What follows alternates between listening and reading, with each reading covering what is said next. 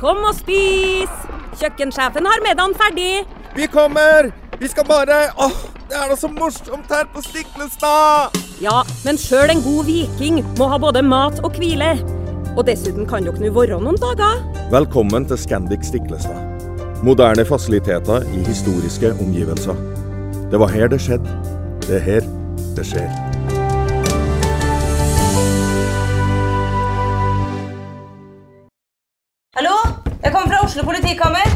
Ine Jansen er purk. Er du purk? The motherfucking bitch. Alt jeg vil, er å finne ut hva som skjedde med mannen min. Jon Carew. Er jeg sikta for noe? Iben Akeli. Det er du. Ole So, Lars Berrum og Big Daddy Karsten. Hvem sin side er du på, egentlig? Anette Hoff, Tone Danielsen, Kommer du fra Afrika? Jørnis Josef, Nesten. Kløfta. Trond Espen Seim, Det er synd å si det, men det var feil mann som døde. Purk. Premiere tirsdag på TV2 Play.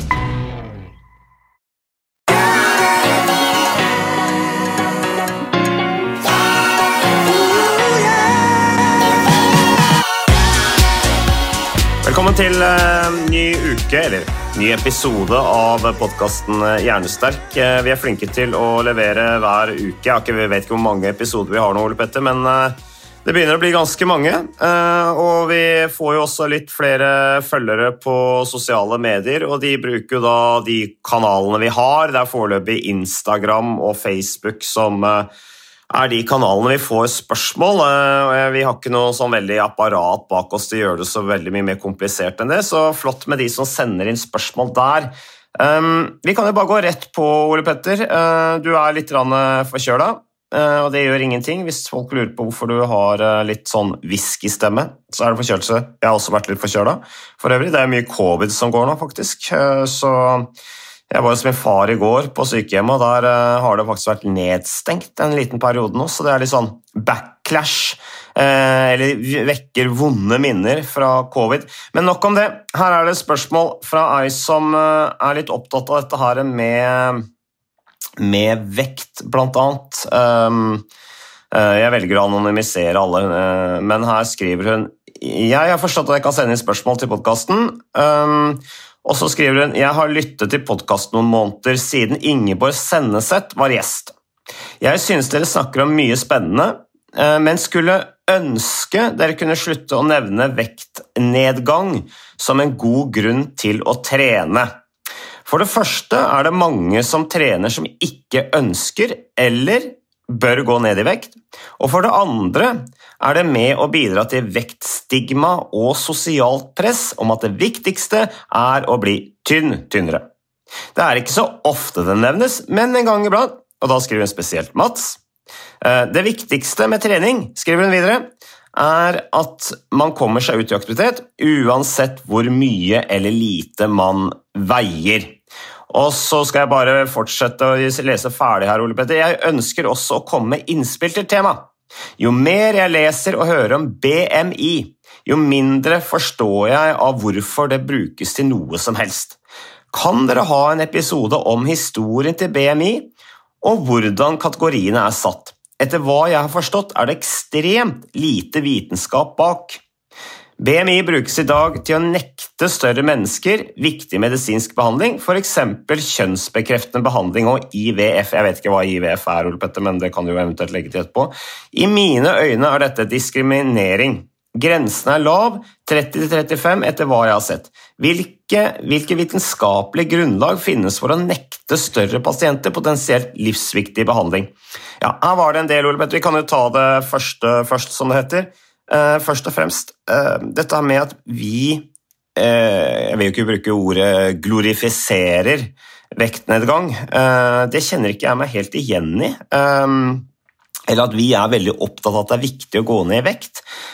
vi snakker vel særlig om at fysisk aktivitet er bra uansett om du er stor eller slank, og at det viktigste med fysisk aktivitet ikke handler om å gå ned i vekt. Vi har jo bl.a. snakket i tidligere episoder om uh, denne håpløse diskusjonen om ja, skal man velge kosthold eller trening, og at det utelukkende handler i altfor stor grad om vekt, og at man da mister nyansene på gevinsten av fysisk aktivitet som går på dette med mental helse, uh, mestring, det sosiale, eh, dette med å bygge opp hjerte, lunger, muskler, ledd.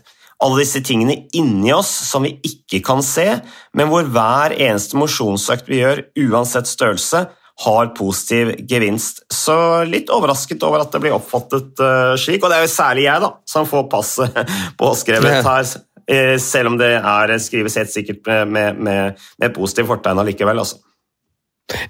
Ja, jeg er jo veldig enig med lytteren her, som uh, skriver at det viktigste bør være å komme seg ut i aktivitet, uansett hvor mye eller lite man veier. Og det er jo både du og jeg enig i. Og jeg vil jo støtte deg også, Mast. Jeg opplever jo at vi faktisk bruker ganske mye tid på å snakke om viktigheten av å ta gode helsevalg helt uavhengig av vekten din, og at vi heller burde vri fokuset vekk fra vekt og over på helse. Det har vi snakket ganske mye om. Mm. Men, men, samtidig, så selv om dette er et veldig sånn touchy tema, og det er mye stigma rundt dette med vekt, så kan vi ikke heller stikke under en stol at for enkeltindivider og nå snakker jeg litt på bakgrunn av det å være lege, så har jo jeg en del pasienter som av medisinske grunner for sin egen helse bør redusere vekten sin. Og Det kan være flere årsaker til det. Det kan være at de eh, rett og slett har problemer med muskel-skjelettsystemet. Det er klart En høy vekt over tid vil øke belastning på ledd, hofteledd, kneledd, bidra til å gi slitasjegikt. Eh, det er en sammenheng for de som har aller høyest vekt, mellom vekta og risiko for å få annen eh, alvorlig sykdom, hjerte- karsykdom, diabetes type 2. Og selv om treningen ikke først og fremst eh, bidrar til vektnedgang, så er det et viktig element allikevel. Mm. Kosthold er det aller viktigste hvis du av medisinske grunner bør gå ned i vekt.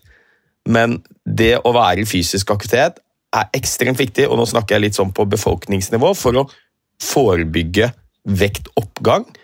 Hadde flere nordmenn vært flinke til å, flinkere til å bevege seg enn det de er, så ville vi hatt færre med overvekt og fedme. Det ville vært bra for individets helse og for samfunnsøkonomien.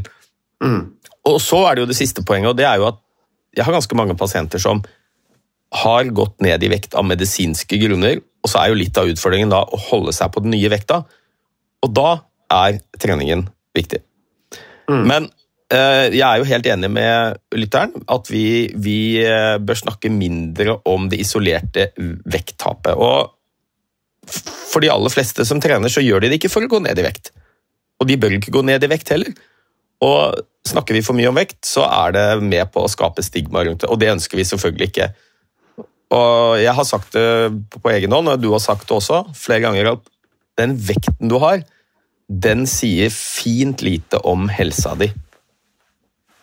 Og I de tilfellene det er en sammenheng mellom høy vekt og dårlig helse, så er det ofte ikke vekten i seg selv, det er det at man kanskje er inaktiv, kanskje spiser usunt og en del andre ting. Så helt enig, mer fokus på helse og mindre på vekt. Mm. Eh, da fikk, det, da fikk, vi tatt det først, eh, Ole Petter. Eh, det er jo veldig flott med engasjert lytter her som, som skriver til oss, først og fremst, og ikke minst lytter til podkasten vår. Og så kommer, er det videre her, da. Jeg kommer, dette her med at hun ønsker et innspill til tema, og dette her med BMI. Hun, eller han, forstår Jo mer jeg leser om BMI, jo mindre forstår jeg av hvorfor det brukes til noe som helst. Hvordan er kategoriene satt? Uh, og så skriver hun etter hva jeg har forstått er det ekstremt lite vitenskap bak det. Hva tenker du om det eh, spørsmålet der, eh, Ole Petter? Jeg har aldri interessert meg noe for BMI. Jeg vet knapt hva det står for. Uh, jeg har bare skjønt at hvis du f.eks. er uh, Det kan være litt dumt mål, da, for jeg har jo hørt, hørt eksempler på folk som er kraftige, altså sterke. De har mye muskel, tett muskelbygning. Eh, og så uten at nødvendigvis at de har mye høy fettprosent, og så får de høy BMI av det. Eh, og Dermed så blir det et veldig dårlig mål. Og så har jo du sagt flere ganger også, Ole Petter, at BMI er et mål som er, egner seg best på befolkningsnivå, ikke på individnivå. Um, hva tenker du om lytterens uh, spørsmål da, om dette med BMI? Ja, jeg er veldig enig med lytteren på mye av det som skrives Jeg, og jeg kan prøve å forklare litt uh, for de som ikke kjenner så godt til BMI. Det jo Det står for Body Mass Index. Det vil si egentlig at det er en uh, verdi du regner ut ved å ta og se på forholdet mellom høyde og vekt hos en person. Og um, Egentlig så var dette laget på 1850-tallet av en belgisk astronom dette enkle systemet. Det er ganske enkel formel, hvor du, hvor du ser på forholdet mellom høyde og vekt. Og um, Det var aldri egentlig ment til å være noe medisinsk verktøy, men, men, så har det blitt det. Og Jeg har sagt det flere ganger, og jeg har lyst til å gjenta det, at BMI er et elendig og jeg vil si nesten ubrukelig mål på helse på individnivå. Og jeg skal forklare hvorfor jeg mener det. Eh, dessverre så bruker vi det masse på individnivå, sånn som uh, lytteren skriver her. F.eks. har du en BMI over et gitt punkt, så kan du bli nektet IVF-behandling. IVF står for in, in vitro fertilisering, på godt norsk prøverørsbehandling. Mm, okay. Ja, jeg skal si litt mer om det etterpå, men, uh, men poenget her er at på individnivå så er det et elendig mål. Og det er fordi eh, BMI sier bare noe om vekten din i forhold til høyden din. Det sier ingenting om kroppssammensetning. Det vil si at den skiller ikke mellom at vekten din, eh, en stor del av den, skyldes at du har mye muskelmasse, som jo vi vil si av en helsemessig grunn er veldig bra, eller om du har en veldig stor andel av kroppsmassen din er f.eks. underhudsfett og fett, som ikke mm. er like bra for helsa. selvfølgelig. Den skiller ikke mellom det i det hele tatt. Sånn at jeg har jo f.eks. pasienter som faller innenfor normalkategorien med BMI. Det vil si at de har en BMI mellom 20 og 25. Men de, noen av dem har elendig helse, kanskje har de veldig lite muskelmasse, mye fettvev, er skrøpelige, dårlig helse rett og slett, men de faller innenfor normalkategorien på BMI-en. Mm. Så har jeg noen pasienter som uh, har veldig høy BMI, altså som, som, havner over 30. Mellom 25 og 30 så havner du i overvektskategorien. Og har du over 30, så kaller vi det fedme. Og jeg har et par-tre pasienter som har par og 30 i BMI, men som er superspreke. Mm. Altså rett og slett Toppidrettsutøvere driver med crossfit eller bodybuilding. Har masse muskelmasse og, og, vil da få en veldig høy BMI. Men helsa deres er kjempegod. Så på individnivå så er BMI et elendig mål. Det sier fint lite, kanskje til og med ingenting, om helsa til personen. Eh, og Derfor mener jo jeg at vi bør ikke bruke BMI i særlig utstrekning på individnivå. Men det eh, virker jo som det brukes her allikevel, Ole Petter. Eh, som ja, det det. skriver her. Det er jo opplagt en hund da, hvis det er prøverørsbehandling det er snakk om her, men her er det jo satt i system fra helsemyndighetene, eller fra, fra helsevesenet sin side på individnivå, virker det som, slik jeg tolker spørsmålet her. da. Ja da, og det er jo fordi at eh, det er en veldig enkel grunn. Det er så enkelt. Det er verdens enkleste mål, ikke sant? Nesten. Du, det finnes kalkulatorer på alle datamaskiner, så hvis jeg har en pasient inne hos meg, eh, og pasienten vet sin egen høyde og sin egen vekt, det gjør jo de fleste, og gjør de ikke det, så måler vi det på 30 sekunder på legekontoret. Jeg mm. taster verdiene inn i en kalkulator på nettet, tar brøkdel av et sekund, så har jeg BMI-verdien. Det er et enkelt mål, og så bruker vi det som en proxy for helse. Altså, Vi tenker at det er en sammenheng mellom BMI. Er du normalvektig? Helt fint. Har du overvekt? Ja, det er ikke så spesielt bra for helsa. Har du fedme? Ja, det er skummelt, og da kommer vi opp på et nivå hvor du faktisk kan bli nektet forskjellige typer behandlinger. Eh, F.eks. denne prøverørsbehandlingen. Mm. Og, og, tanken bak det er jo for så vidt logisk. Det er at uh, hvis du har høy vekt og dårlig helse, så har du redusert uh, befruktningsevne. Dvs. Si at det er mindre sannsynlig at disse dyre og avanserte behandlingene faktisk virker. Og Da blir du anbefalt å gå ned i vekt. Men så igjen da, jeg tenker det er urettferdig, det er diskriminerende, fordi BMI-en din sier ikke nødvendigvis noe om Eh, helsa di, og heller ikke fertiliteten din på individnivå. Så Derfor mener jo jeg at vi bør ikke bruke eh, disse målene sånn som vi gjør i dag. Men Problemet er jo at alternativene Hvis du skal ha et annet mål på helse, hva er det du skal gjøre da? Ikke sant? Da, da snakker vi om da må du ha kroppsmasseanalyse, kanskje. Det er dyre, avanserte maskiner som eh, vi ikke har på legekontorer. Eh, Vi kan ta blodprøver, vi kan eh, gjøre maksimalt oksygenopptaksmåling. Det er et mye bedre mål på helse, men, men det er avansert og, og vanskelig å få til i praksis. Så, ja. Men det som er nytteverdien ved BMI, eh, det er jo på befolkningsnivå. Fordi at eh, det er et ekstremt enkelt mål for å si noe om eh, endringer i vekt i en befolkning, gjennomsnittlig vekt. Ikke sant? Fordi at du kan finne BMI-verdier på titusenvis, hundretusenvis av mennesker, og så kan du se på trender. Og det er klart det at Hvis gjennomsnittlig BMI eh, øker veldig i en befolkning over tid, f.eks. sånn som det er gjort i alle vestlige land, inkludert Norge, så sier det noe om folkehelse. Ukas annonsør det er eh, HelloFresh. Og eh, hvis du nå går inn på hellofresh.no og bruker koden 'fresh hjerne', så kan du få opptil 1779 kroner rabatt på da de fem første matkassene dine hvis du ikke har prøvd HelloFresh enda.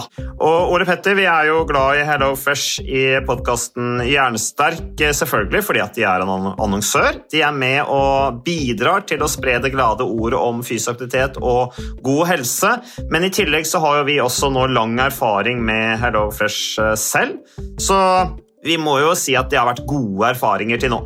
Ja, absolutt. Visste du, Mats, at HelloFresh det er faktisk verdens ledende matkasseleverandør? Og tilbudene til HelloFresh gjør det enkelt å lage gode og varierte retter som skaper matglede. Og matglede vet du, det er like viktig som hva du putter i munnen. Det å spise mat med folk du trives med. Så gjennom 25 nye og inspirerende retter hver uke så bidrar HelloFresh til dette. Du kan bestille ekstra porsjoner om du får gjester, eller hoppe over uke hvis du f.eks. skal bort. Og Det er ingen bindingstid, og du velger leveringstidspunkt og dag selv, så leverer HelloFresh matkassen din akkurat når det passer deg. Ikke dårlig, Mats. Nei, det er veldig bra. Så, øh, og dette er med enklere hverdag, det kan jeg nå skrive under på. For nå, forrige erfaring vi hadde forrige uke, Ole Petter, det synes jeg var Det var jo et gjennombrudd øh, for familien Kaggestad. For da lagde rett og slett barna De lagde middag og serverte middagen, så den var ferdig laget og servert da når eh, min kone Marita og meg kom hjem fra jobb. Og jeg mener, det var jo bare helt utrolig. Eh, Det var helt fantastisk. Det ble en nydelig middag. Riktignok, de, de, de, de roter og søler litt, det gjør de. Så, men, men maten ble veldig god. De var veldig stolte over å kunne ha både laget og servert maten, så det var helt fantastisk. Så vi har jo da i det siste så har vi eh, spist eh, bl.a. sitron- og dillstekt hyse med ovnsbakte grønnsaker og aioli. Eh, Vi har spist middelhavsinspirert kylling. Taco, så finnes det mange ulike typer taco. F.eks. vietnamesisk taco, som vi har spist. Thailandsk vegetargryte. Veldig riktig og sunt eh, i dagens eh, samfunn med, med fokus på bærekraft. Hvitløk og chilistekte reker i spagetti, det var definitivt en vinner. Så det er så flott. Du får rimelig mat ved at du kun betaler for det du trenger, så det blir ordentlig feststemning med Hello Fresh. Det gjør det, og nå er det bare for deg å gå inn på hellofresh.no og bruk koden FRESH hjerne. Da får du opptil 1779 kroner rabatt på de første fem matkassene dine hvis du ikke allerede har prøvd HelloFresh. Du kan også bruke rabattkoden hvis du har stoppet abonnementet ditt for tolv måneder siden eller mer. Er det noe å lure på? Håper maten smaker godt. Bon appétit! Fordi selv om det ikke på enkeltindividnivå alltid er en sammenheng mellom høy BMI og dårlig helse, så på gruppenivå så vil man kunne se det. Så ja. Kort oppsummert, kjempegodt og bra mål på befolkningsnivå, brukt av forskere, brukt av helsemyndighetene for å se på trender, for å komme med innspill til hvordan vi kan bedre folkehelsa osv. På enkeltindividnivå et dårlig mål, og, øh, og også et litt sånn urettferdig mål. Eh, og, og i mange tilfeller veldig fordyrende. Jeg kan ta ett eksempel.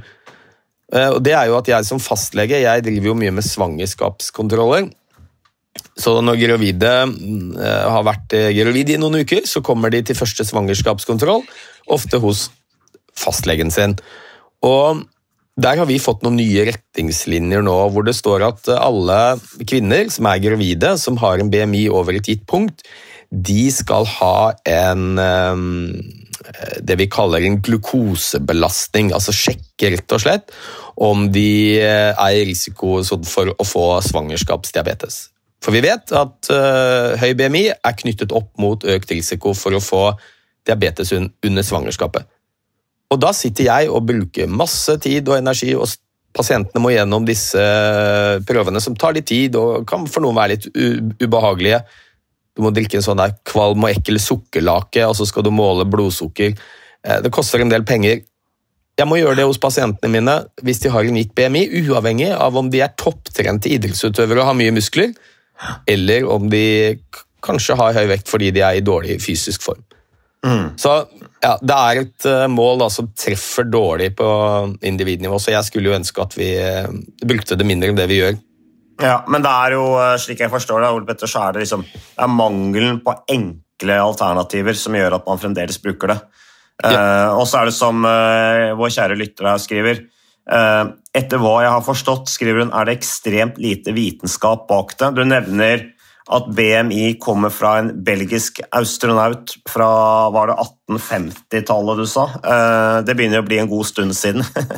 Eh, vitenskapen, eller var det det du sa, eller var det ikke det du ja, sa? Ja, Det var ikke langt unna. Han, han, er ikke astronaut, men astronom. Astronom, ja. Astronom, selvfølgelig. De hadde ikke astronauter på 1850-tallet, men astronom. Uh, så, så, men, men, da kan man jo selvfølgelig stille spørsmålstegn ved, ved, vitenskapen bak dem. Den kanskje burde vært utviklet en god del, da, når vi nå er i 2023. Så uh, ja. Ja, og det har jo vært en del diskusjoner rundt dette, fordi at uh, det som er status i dag i Norge Husk, denne, denne, disse kategoriene ble utviklet uh, for lenge siden. Sånn at uh, de kategoriene vi har, de er basert på hva type sånn gjennomsnittsnordmann og gjennomsnittsmenneske for 20, 30, 40 og 50 år siden. ikke sant? Sånn mm. at det som er saken i dag, er jo at gjennomsnittsnordmann havner ikke i normalvektig-kategorien lenger gjennomsnittsnordmann er i overvektskategorien. Og det er jo kanskje litt eh, spesielt. Og forskere i tilknytning til denne store Hunt-studien, helseundersøkelse i Nord-Trøndelag, hvor man har sett da, at BMI eh, har gradvis økt i befolkningen, og at som sagt gjennomsnittsnordmann i dag er overvektig, så har det vært diskutert om man bør flytte kategoriene litt.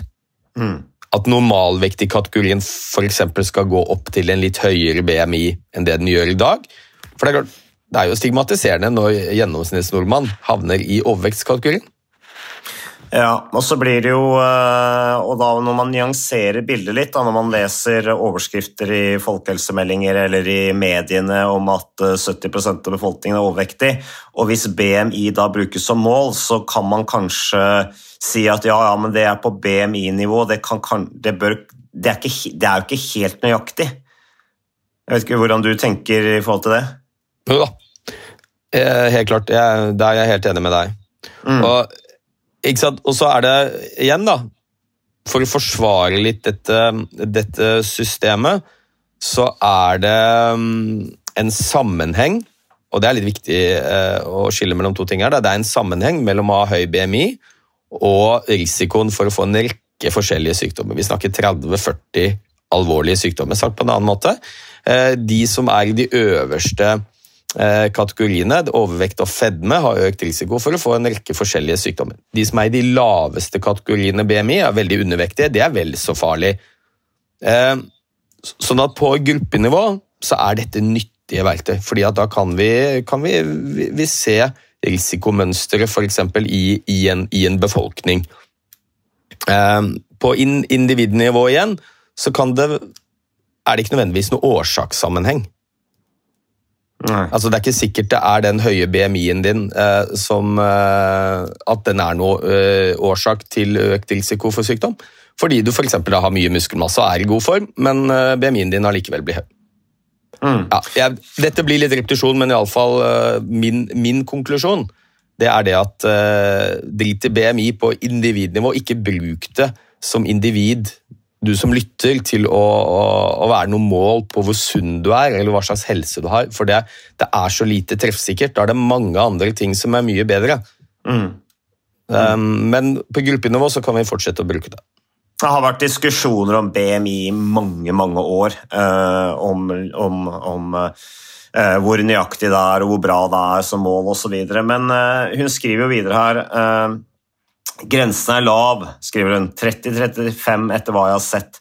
Hvilke vitenskapelige grunnlag finnes for å nekte større pasienter potensielt livsviktig behandling?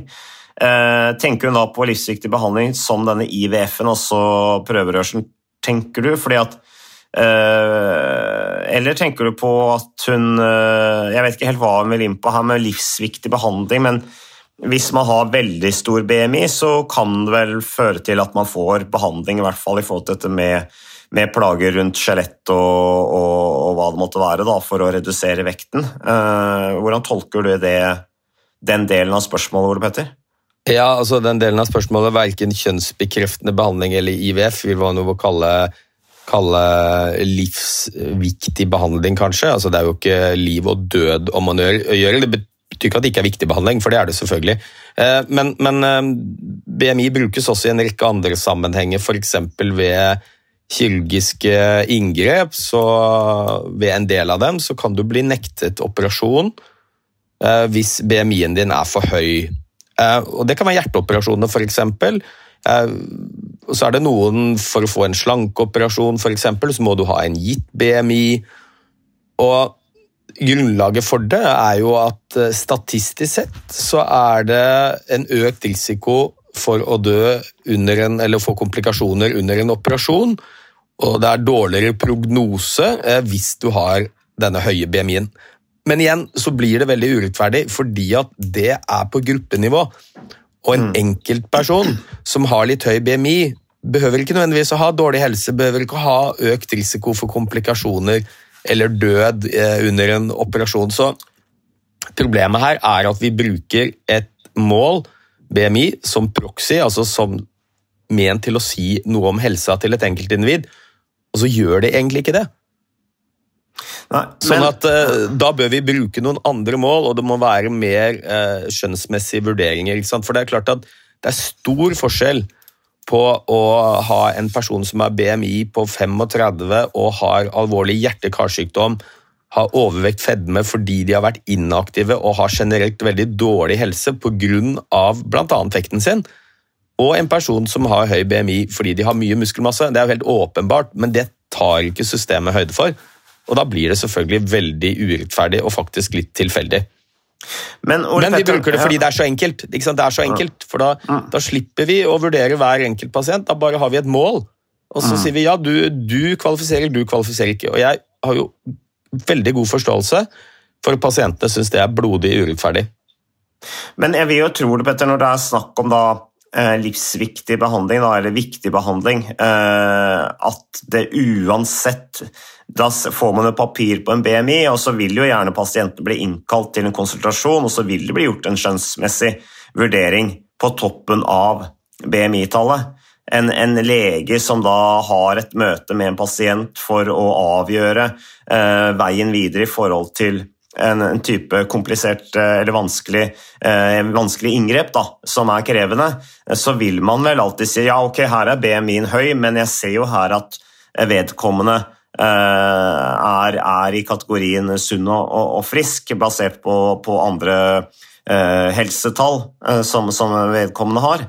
Det, det vil vel alltid kunne bli mm, gjort en eh, At man f.eks. ser at ja, BMI-en er høy, her må de inn på en, eh, en, en, eh, en konsultasjon for å, for å se om, om det Hva slags type BMI det er, på en måte. Er det, er det fordi at her er det eh, tett eh, muskelsammensetning som gjør at eh, det blir en høy BMI, eller er det fordi at eh, vedkommende har, har eh, fedme, da, usunn eller helseskadelig fedme, som gjør at vi bør unngå en, en operasjon. Vil, I praksis vil det vel være, være den type fremgangsmetode? Ja, det kunne du jo både håpe og tro, men, eh, og, og det er jo det ofte.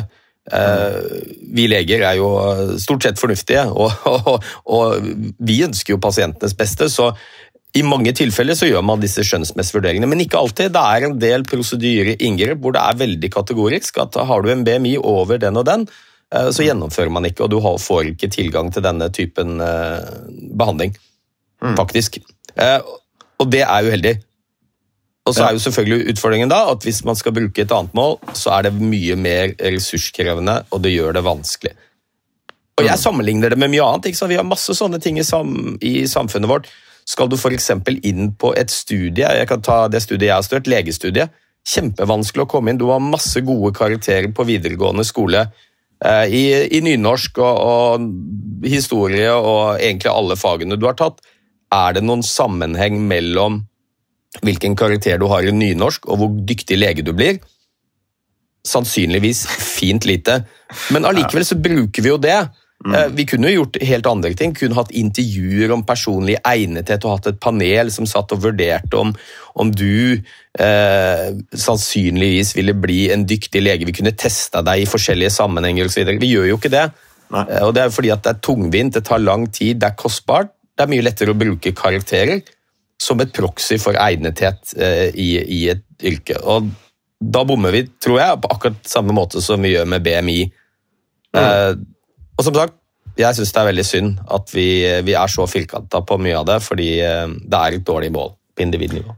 Men kanskje vil eh, dagens moderne teknologi hjelpe til å, å, å gjøre ting mye mer nyansert? Nå har du jo nå er det mye snakk om maskinlæring og AI og, og hvor, hvor en, den enorme utviklingen der, både på godt og ondt, selvfølgelig. Men eh, jeg leste jo annet nå, i og med at jeg er sykkelkommentator, leste jeg jo om et av disse store sykkellagene som brukte maskinlæring til å bygge kostholdsplaner for rytterne basert på, eh, på eh, fysiologiske tall som de jo produserte underveis i, på treninger og sykkelritt. Utrolig fascinerende hvor mye mer nøyaktig det var enn antakelsene fra deres personlige trenere trenere, f.eks.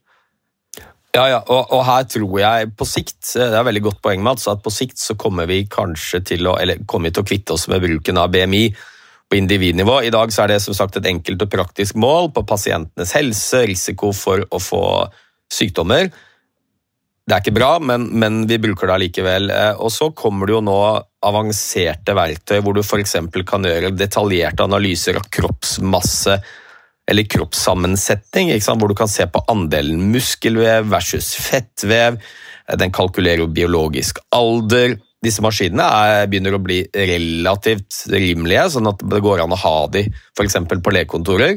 Mm. Vi har smartklokker, eh, og hvis pasientene bruker det, så vil vi se at det kalkulerer eh, bl.a. oksygenopptak. Altså et estimat av indirekte, det er ikke noe avansert måling, men den måler pulsen din, hvor mye den stiger når du beveger deg med en gitt hastighet over en gitt distanse, så kan den estimere hvor bra oksygenopptak du har. Og da begynner vi å snakke om noen mål som virkelig er nyttige og sier noe om en persons helse.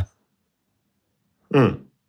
Ja, nei, så Det blir spennende å følge utviklingen. Ole Petter. Eh, BMI, gammelt mål, utvikla på 1800-tallet, brukes fremdeles. Det er interessant. Takk til eh, lytteren vår som eh, sender inn engasjert spørsmål. Det er bare å si lykke til også videre, for her virker det som om det er en, en liten kamp med systemet i forhold til ønsket behandling. Eh, takk til deg, Ole Petter. Takk til Moderne Media og først, og takk til våre samarbeidspartnere. Og igjen Takk til uh, lytterne våre. Vi er tilbake med mer podkasten Jernsterk neste uke.